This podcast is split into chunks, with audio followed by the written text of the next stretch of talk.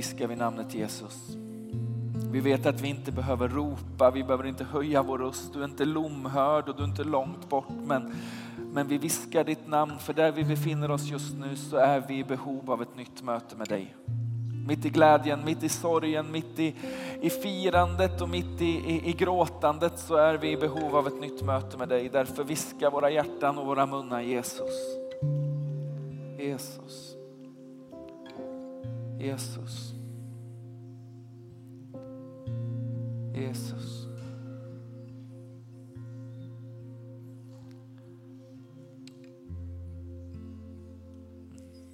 Amen.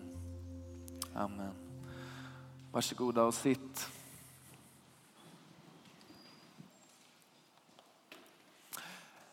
Välkomna till Citykyrkan eh, om du trillade in lite senare. Jag heter Alfred, för er som inte känner mig.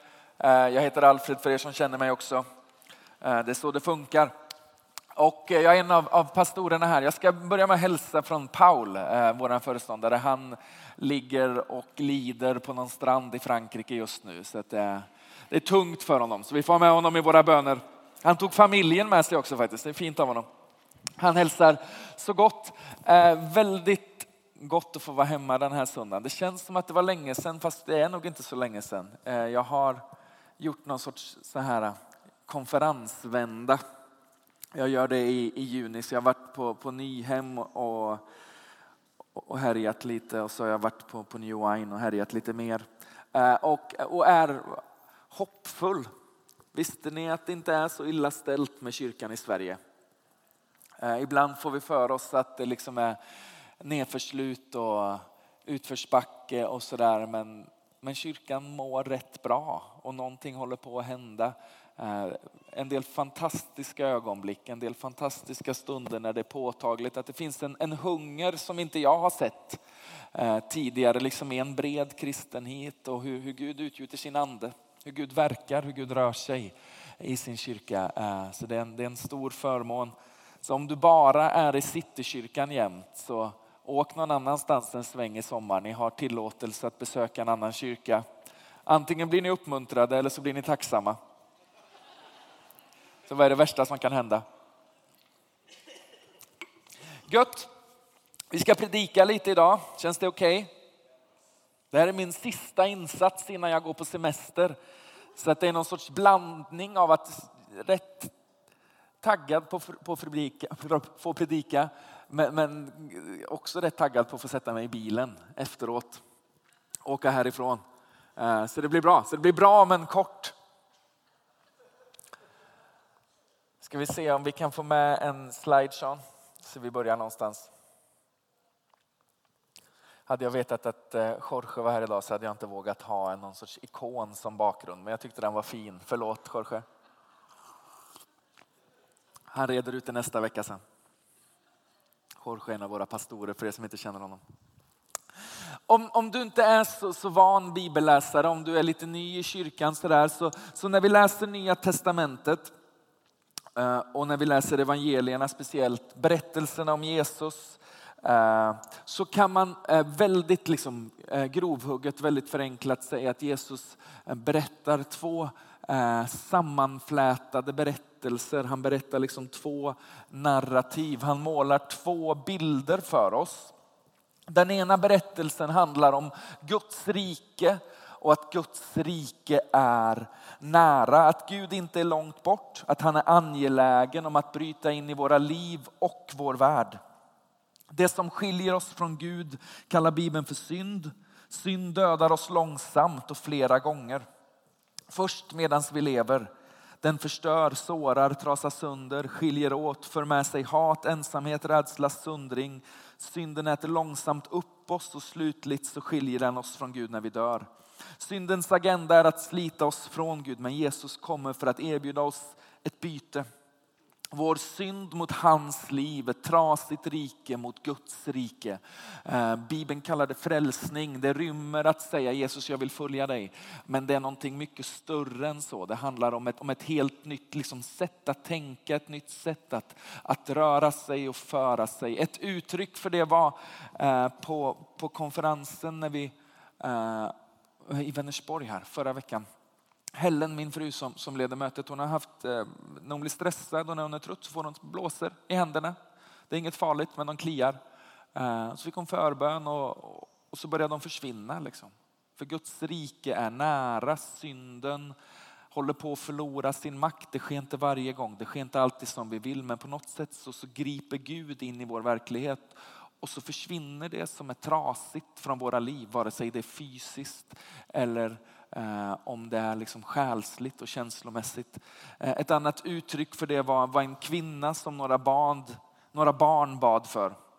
Som haft kronisk huvudvärk i 30 år. Och så bad de för henne och så fick de leda henne i en, i en syndabekännelse kring eh, att inte tycka om sig själv. Att inte se sig själv som vacker och unik och speciell och älskad av Gud. Och när hon bad den bönen så släppte huvudvärken. 30 år kronisk huvudvärk. Några barn som är med och en ledare som liksom övervakar så ingenting konstigt sker. Så ni behöver inte vara oroliga. Eh, eller, eller Helen, min fru, som bad för en person som hade grå starr. Du vet, ena ögat är liksom eh, dimmigt och det är lite mörkt. Och så bad de och så, och så började det bli ljusare och så bad de igen och så började det bli klarare. För att Guds rike bryter in till, till förvandling och upprättelse, till helande och befrielse. Det är den ena berättelsen som, som Jesus berättar. Och med berättelse så menar jag inte saga utan allt Jesus gör det är någonting som han pratar och demonstrerar. Det är liksom en biblisk berättelse. Den andra berättelsen handlar om vem Gud är. Människor då och människor nu tror allt som oftast att det finns någon sorts högre makt. Inte ens i Sverige så är det en speciellt radikal åsikt eller tanke. Att kalla sig kristen, det kan vara lite liksom svettigt. Men att säga att jag tror på någonting eller det finns någonting högre. Så det, det, är, det är ganska household och ganska vanligt. Eh, men bilden av den högre makten skiftar. För den som har blivit exponerad för Frikyrkans liksom syndakatalog på 50-talet eller någonting så är Gud kanske dummande och hård, kritiskt granskande och oerhört kräsen. Men med vem han ger tid för och ger sitt gillande. Och har du inget namn på den högre makten så är det kanske en avlägsen känsla av att det måste finnas mer. Men detta något känns ogreppbart och högst irrelevant i din vardag.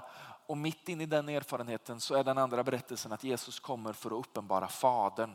Det är liksom den andra rörelsen som pågår. Berätta för oss att Gud inte är arg, besviken eller frånvänd, inte långt bort, dold eller frånvarande. Gud är en perfekt far för dig som lever med en trasig bild av vad en pappa är. Och allt Jesus gör och säger visar oss något av vem Gud är och hur Gud ser på oss. Så hänger ni med på de två grejerna? Liksom. När vi läser Nya Testamentet, framförallt evangelierna, så visar Jesus oss två saker. Hur Guds rike ser ut, hur, hur det hela ser ut, hur det är tänkt att se ut och vad det innebär för de som följer honom. Och vem Gud är vad det innebär att tillhöra en god far, vad det innebär. Och så står det att, att Jesus kom för att uppenbara Fadern och allt han gör visar oss någonting av hur han är. En liten, liksom, ett litet ögonblick av något i hans karaktär, något i hans personlighet. Det är, tänker jag, liksom det yttre ramverket för dagens predikan. Känns det okej? Okay? Vi är på samma sida då. Då har ni fått med er en startpunkt. Ska vi be? Herre, vi tackar dig för, för ditt ord. Vi tackar dig för att det är levande och för att det är verksamt. Vi tackar dig för att det inte är en historielektion och det är ingen nostalgitripp. Utan det är ditt ord till oss som är levande, som är verksamt och som talar till oss. Så vi ber dig helige ande den här morgonen, gör våra hjärtan mjuka så vi kan ta emot. Öppna våra öron så vi hör. Vi ber att ditt ord skulle få bära frukt i våra liv den här morgonen. I Jesu namn. Amen. Så vi ska ta avstamp idag i Lukas 15. Texten kommer på skärmarna. Sean är blixtsnabb, nu bytte du. Grymt. Så här står det, liknelsen om det förlorade fåret. Alla tullindrivare och syndare höll sig nära Jesus för att höra honom. Men fariseerna och de skriftlärda kritiserade honom ständigt och sa den där mannen tar emot syndare och äter med dem. Då berättade han denna liknelse för dem. Om någon av er har hundra får och förlorar ett av dem, lämnar han inte då de 99 i öknen och går ut efter det förlorade tills han finner det? Och när han har funnit det blir han glad och lägger det över sina axlar. När han sedan kommer hem samlar han sina vänner och grannar och säger till dem, gläd er med mig, jag fann mitt förlorade får. Jag säger er, på samma sätt blir det större glädje i himlen över ett, en enda syndare som omvänder sig än över 99 rättfärdiga som inte behöver någon omvändelse. Jag tänker att den här texten säger en del saker till oss om de här två liksom linjerna, om de här två rörelserna. Det säger oss någonting om Gud, hur Gud är och så säger det någonting om oss in i vårt trasiga tillstånd. Jag tänker att vi ska börja titta på vad det säger. Såg ni? Den här mattan ska vi inte ta bort. Den funkar ju bra sparar vi in de pengarna på renoveringen. Bra. Vad det säger oss om Gud. Är ni med? Har ni texten i bakhuvudet? Kommer ni ihåg den? Det första som det säger oss är att Gud tar emot. I början av texten så läste vi vilka han satt och åt med, eller hur? Alla tullindrivare och syndare höll sig nära Jesus för att höra honom. Alla tullindrivare och syndare höll sig nära Jesus för att höra honom. Gud är inte rädd för trasiga människor.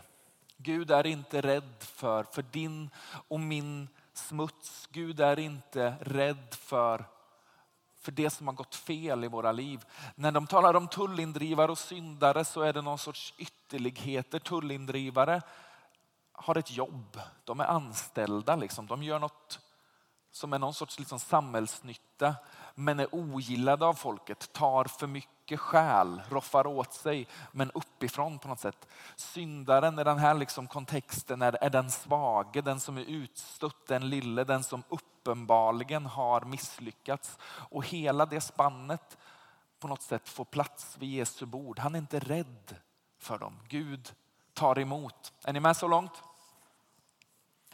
Gud äter Just det är kanske inte den starkaste liksom uppenbarelsen ni kommer få med idag. Men jag tänker att, att måltiden, ni vet att, att äta med någon är, är intimt, eller hur?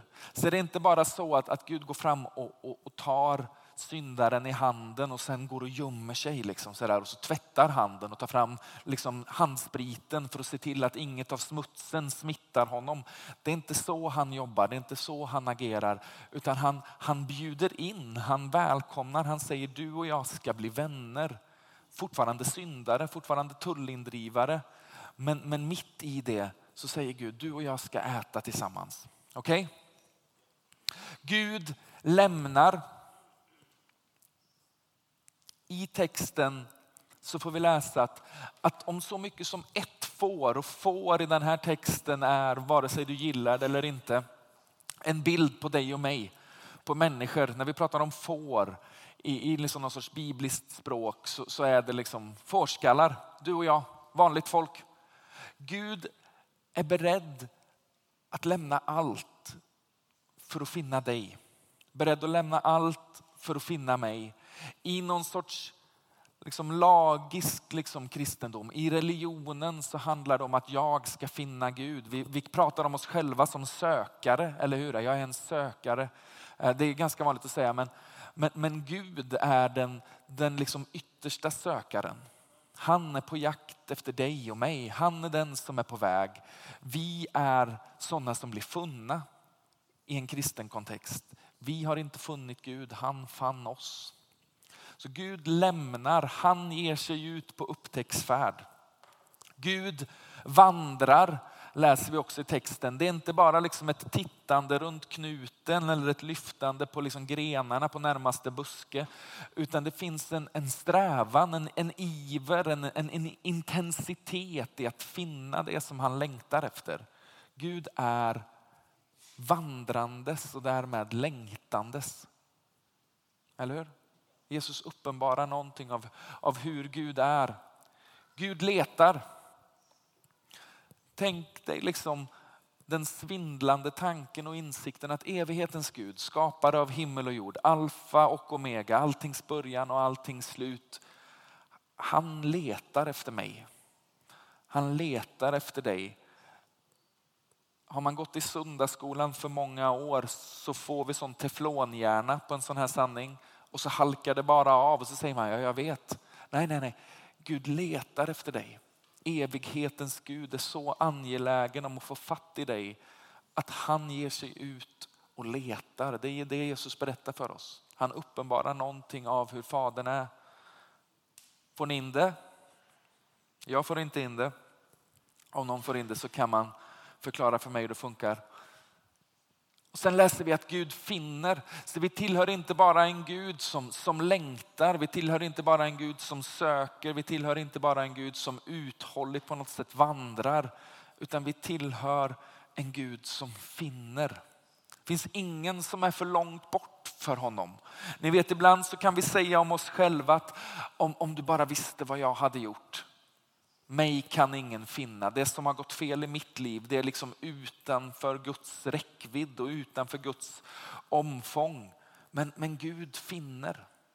Han finner alltid de som låter sig finnas. Det finns ett litet, litet ögonblick där vi på något sätt säger, här borta är jag som är vårt gensvar, men han är den som letar upp oss. Inte bara för dig som inte känner Jesus än och som gör den här resan för första gången, utan för dig som har varit med länge och som känner att ah, jag har liksom halkat bakåt, jag har tappat taget, jag har börjat liksom tappa gnistan lite grann. Gud, Gud finner, Gud är på jakt, Gud är på väg. Och så läser vi att Gud lyfter Väldigt många gånger så tänker vi att nu ska jag reda ut mitt liv, nu ska jag städa upp allting och så ska jag på något sätt säga, nu ska jag Ja, nu, ska jag, nu ska jag börja gå i kyrkan igen, nu ska jag liksom styra upp saker. Det är jättebra att gå i kyrkan men, men någonstans så närmar vi oss honom utifrån prestationer och tror att prestationer är det som ska leda oss in i gemenskap igen. Men det står att Gud lyfter när han får fatt i, på oss och får fatt i oss så gör han ett verk i oss. Han lägger upp oss på sina axlar som det är i den här bilden och så bär han oss från isolation in i gemenskap, från förvirring in i gemenskap, från ensamhet in i gemenskap. Gud lyfter och Gud bär. Det finns ingenting som som händer eller pågår i ditt liv just nu som han inte förmår att bära. Det finns ingenting som, som du gör och ingenting som, som du har gjort som inte han förmår att bära. Och så läser vi att Gud fixar fester också. Gud är en Gud som, som firar varje gång vi får komma hem igen. Väldigt ofta så tänker vi att nu blir det resan av att ja, jag har gjort fel, jag ska komma tillbaka, jag kommer få skäll, så får jag kvarsittning, jag ska in på mitt rum, jag får mobilförbud en vecka. Eh, jag får bara läsa tråkiga böcker och när jag på något sätt har sonat mitt brott då får jag, då får jag komma ut igen ur rummet, ur skamvrån. Men, men Gud jobbar inte så, han fixar fest. Han säger nu börjar vi om. Nu är allting nytt. Kom och fira med mig. Hänger ni med? Kontentan av det här antar jag är att Gud bryr sig väldigt mycket. Eller hur? Summan av vad vi lär oss om Fadern tänker jag i den här texten är att Gud bryr sig väldigt mycket. För en del så känns det som att gick jag upp den här morgonen för att få höra det. Var det liksom det som var grejen med att gå ut i duggregnet? Men, men, men det här är svindlande om vi fattar det. Det här är sjukt stort om det bara får tag i våra hjärtan. Att Gud bryr sig väldigt mycket. Oavsett vad som händer och sker i ditt liv just nu, oavsett om du har varit kristen i 50 år eller i fem minuter eller inte alls, så bryr sig Gud väldigt mycket. Djupt engagerad i dig, djupt längtandes efter dig, djupt mån om att finna dig där du är och lyfta dig från dina omständigheter in i det som är hans tanke och plan för ditt liv, in i det som är hans vilja, in i det som är, som är hans rike för dig. Hänger ni med mig?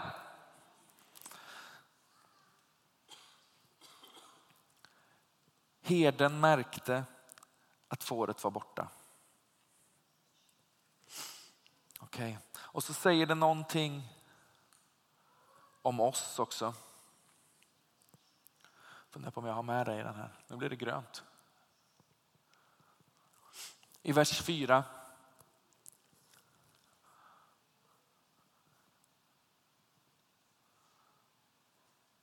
Om någon av er har hundra får och förlorar ett av dem, lämnar han då inte de 99 i öknen och går ut efter det förlorade tills han finner det. Det finns något av att, av att Gud faktiskt låter oss välja själva. Gud är inte en diktator, Gud är inte en despot som, som styr varje del av ditt liv utan han, han låter dig få leva livet utan staket. Gud är inte en begränsande Gud som säger att så här ska det vara. Och i det så finns det ett litet risktagande av att ibland så gör vi utflykter som är lite längre utan vad det var tänkt att vi skulle göra. Gud låter oss göra egna val och jag tänker att det hänger ihop med att han vill visa oss vårt värde. Att han faktiskt anförtror oss någonting, att han faktiskt litar på oss. Och när vi gör fel så förlorar vi inte vårt värde på grund av det eller trots det utan han fortsätter och han letar efter oss. Gud letar tills han finner dig. Gud välkomnar dig hem och Gud firar dig med en fest. Okej? Okay? Så den stora berättelsen är att vi tillhör en Gud som är djupt, djupt angelägen över en relation med oss. En Gud som, som inte sitter och väntar på att du liksom ber om ursäkt och kommer tillbaka. Utan en Gud som, som aktivt söker upp, som aktivt letar,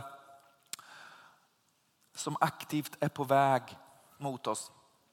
Och, för en del av oss så blir det här en sån, sån text som vi bara använder när vi gör någon sorts evangelisationskampanj, eller hur? Det här är liksom sådär evangelisation 1.0 när vi ska berätta om Gud och hans godhet. Men jag tänker att en del av oss har varit i kyrkan väldigt, väldigt, väldigt länge. Och du vet hur det funkar. Du kan rörelserna. Du säger amen på rätt ställe. Ibland säger folk amen på fel ställe, det är väldigt underhållande. Men, men du säger amen på rätt ställe. Du har en bibel som ser sliten ut, det är ett plustecken. Du fattar när man ska stå och när man ska sitta. Du går på bönen ibland och du är med på bönedygnen även om du tycker att det ibland är lite överdrivet och högljutt. Men ändå vet du med dig att du är vilse. Kan ni relatera till den känslan av att jag, jag är med men jag är borta? Fysiskt närvarande. Men, men någonstans i mig så vet jag att jag har gått vilse. Jag är inte där jag borde vara. Jag vet inte hur jag hamnade här. Jag vet inte när det hände. Jag vet inte hur det gick till. Jag har inget tydligt ögonblick när jag säger till Gud liksom att nu, nu, nu gör jag uppror mot dig och drar. Men någonstans har jag glidit undan. Kan vi relatera till det? Ni behöver inte lyfta handen för då känner vi oss lite sårbara. Du förstår inte när det hände. Det är inte som att du vaknade en morgon och tänkte idag ska jag tappa bort mig. Ingen som har vaknat och tänkt idag ska jag gå vilse. Men lika fullt så inser du att du är långt ifrån heden. Långt ifrån där du vill vara. Och frågan blir då, hur går får vilse? Är det någon som har en stark insikt på den. Någon som har ägt får. Som vet hur får går vilse. Ingen. Hopplös att prata om djur med stockholmare. Får gå vilse en tugga i taget. Eller hur? Det finns inga tungt kriminella får som i månader har planerat en stor flykt från fångvaktaren herden. Eller hur? Får går bokstavligt talat vilse på magkänsla. De äter och så äter de och så äter de och så äter de och helt plötsligt så kommer de på sig själva med att vara vilse. Och jag tror det är så det väldigt ofta funkar med oss. Vi hittar något litet som vi börjar mumsa på som vi inte ska äta.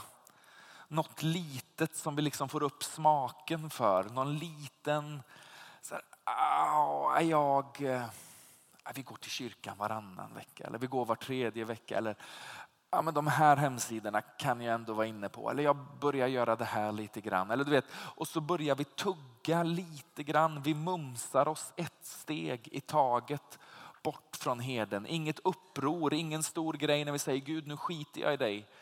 Utan snarare bara som ett barn som börjar testa gränserna lite och ser hur långt bort kan jag gå? Hur mycket kan jag liksom ta ut svängarna? Och så inser vi helt plötsligt att oj, så här mycket gick det inte att ta ut svängarna och nu är alla borta och jag vet inte var jag är. Min mardrömsupplevelse var när vi var på Ica Älgen i Vargön när jag var liten. Den heter Ica Älgen på riktigt, jag tycker det är ett lysande namn. Det finns mycket älgar i Vargön, det är därför. Eh, och du vet, och så har jag tappat bort pappa som jag var där med. Och så, pappa hade en väldigt häftig brun skinnjacka på den tiden. Väldigt så. Och så såg jag pappas bruna skinnjacka och så sprang jag fram och så tog jag honom i handen och så var det någon tant som tittade ner på mig. Kommer du ihåg den liksom förnedrade känslan när man tror att det är pappa man tar tag i och så är det en främling. Alltså någon sorts hej lilla vän. De kan aldrig bara hålla tyst utan det är alltid någon sån liten så. Eh, det där har vi en tendens att hamna i, eller hur? En, en tugga i taget så går vi långsamt vilse. Och jag tror att idag så, så finns det en inbjudan igen och liksom en, eh, bara en, ett, ett ord av att idag så, så letar herden efter dig. De där små grejerna som har fört dig bort är inte din framtid. Det är inte din identitet. Det är inte där du måste leva ditt liv. Utan herden letar efter dig. Han är redan på väg. Han har varit ute och letat sedan du började tugga för att föra dig tillbaka in i gemenskap. Och det religiösa i oss skäms så mycket över att det blir fel så vi på något sätt drar oss undan ännu mer. Ah, jag har misslyckats och så backar vi. Ah, jag är dålig och så backar vi. Ah, jag, jag räcker inte till och så backar vi. Men, men han letar efter oss och i det ögonblicket som han får tag på oss så lägger han oss över axlarna bär oss tillbaka in i gemenskap och säger att nu är det fest gänget. Det är sån, det är sån han är. Vi tuggar oss en liten tugga i taget bort ifrån honom. Men idag letar herden efter dig. Andra är helt nya i kyrkan. Jag har ingen aning om hur du hamnade här. Vad som drev dig eller vem som mutade dig med lunch efteråt för att få med dig. Men jag vet att Jesus letar efter dig. Oavsett om du alltid har sökt eller om du bara blivit medlurad så letar herden efter dig idag om du bara låter honom hitta dig. Gud är inte arg, inte besviken, inte sur och definitivt inte frånvarande. Hans största lycka vore att få bära dig in i gemenskap med sig och oss andra forskare. Du är älskad, önskad, efterlängtad och eftersökt. Det här är en resa som, som alla människor tror jag ständigt behöver göra. Vi inser att på det här området i mitt liv, om du har varit med länge i kyrkan, så har jag liksom börjat tugga mig ut ur hans närvaro. Någonting har smugit sig in i mitt liv som gör att jag långsamt liksom glider ifrån honom och så känner jag att, att passionen börjar falna och liksom iven börjar dämpas och, och så börjar det bli lite bärst och lite tråkigt att vara kristen och det känns som att, ja, ja jag vet inte.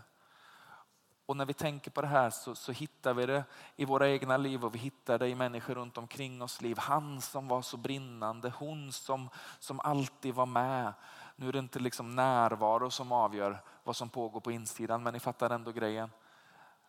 Och så har vi hittat någonting som gjort att vi har tuggat oss ut ur hans närvaro. Lite i taget, inget stort uppror, ingen liksom stor trots, men bara något som vi har fått smak för som gör att vi långsamt går vilse. Eller så är du här som aldrig har blivit funnen innan som aldrig har fått höra att Gud är god, att han letar efter dig, att han är angelägen om att träffa dig, att han faktiskt söker efter dig. Det, det spelar ingen roll vilken av de här två liksom, kategorierna vi befinner oss i. Det vi behöver få höra är att han letar efter oss. Och hans avsikt den här söndagen och alla andra söndagar och alla andra dagar är att dra dig in i gemenskap igen.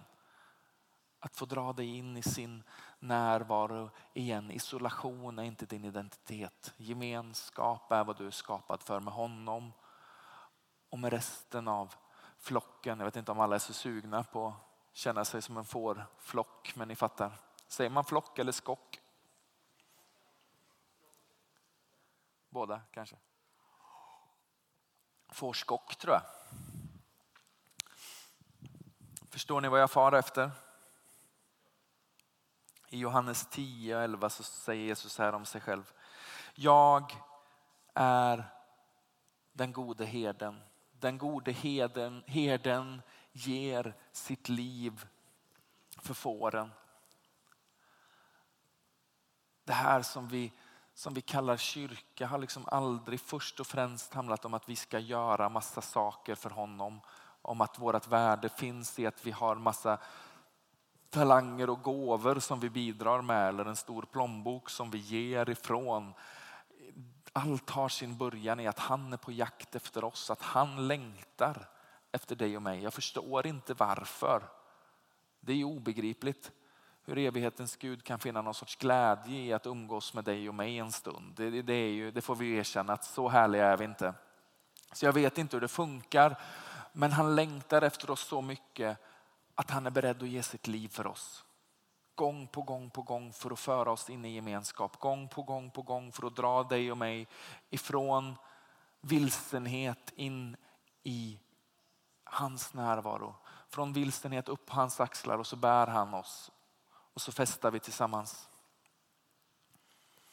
Så jag skulle vilja göra två enkla, enkla inbjudningar den här morgonen. Inget svindlande, ingenting liksom superkomplicerat. Men för dig som känner att jag har gått vilse genom att ta en tugga i taget och helt plötsligt så befinner jag mig på en plats där jag inte riktigt vet vart jag är längre och framförallt så vet jag inte var herden är längre. Jag, jag är lost.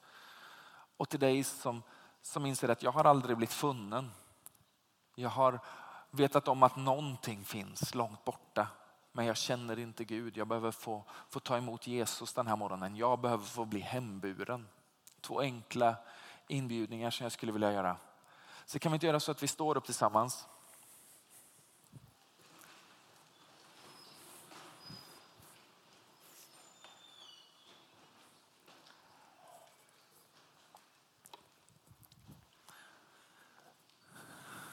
Och så är agendan igen bara att han ska få, få finna oss. Eller att han ska få finna oss för första gången. Så vi kan göra så att vi, vi, vi slappnar av och så, och så blundar vi. Bara för att vi är så nervösa inför varann.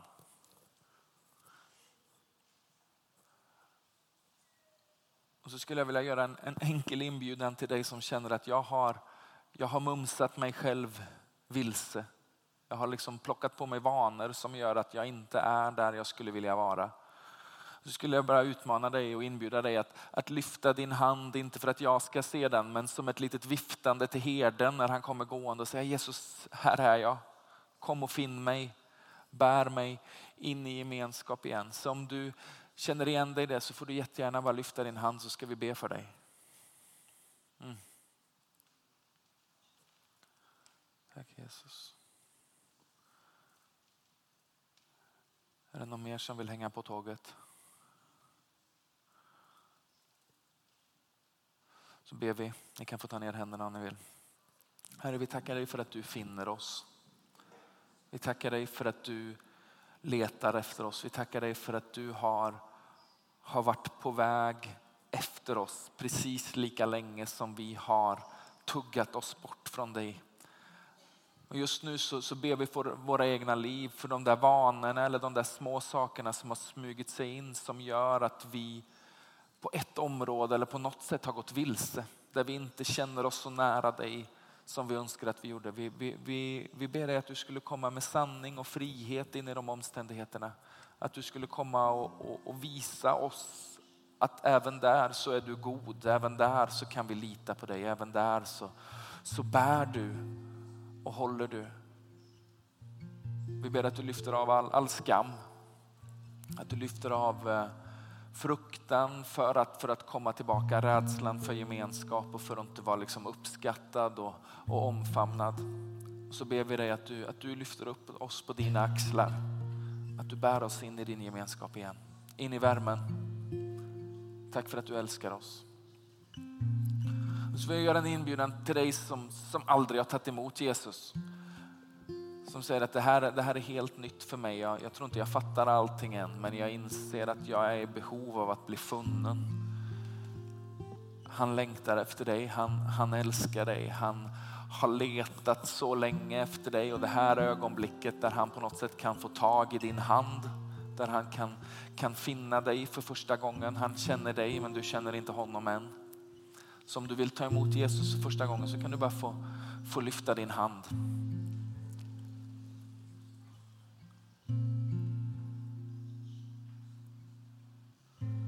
Kom helige Ande.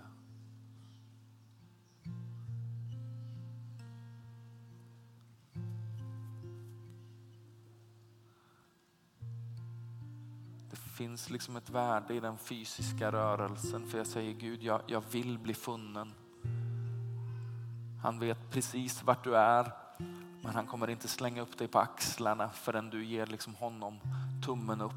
Förrän du ger honom ditt ja, förrän du säger okej, okay, hitta mig, för mig hem igen. Så en lyft hand är inte en hand till i statistiken utan en rörelse som jag gör med hela min kropp. Jesus, jag, jag behöver bli funnen.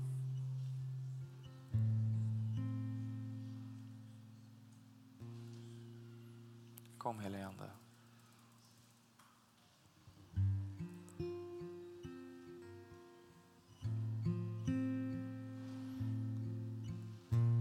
Vi välkomnar dig.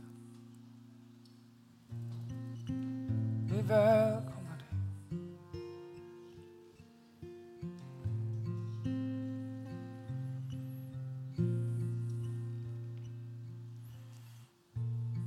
Herre, vi tackar dig för att du alltid tar emot oss. För att du aldrig överger oss, för att du aldrig vänder oss ryggen, för att du aldrig väljer att vara, vara frånvarande utan du är högst närvarande i våra liv. Och nu ber vi dig helige Ande att du på något sätt skulle öka den där känslan av, av närhet och intimitet i våra liv. Även om vi är kvar i, i fårfållan så är våran längtan att komma närmre. Kom helige Ande och dra oss närmre Jesus. Vi längtar efter dig. Vi längtar efter dig.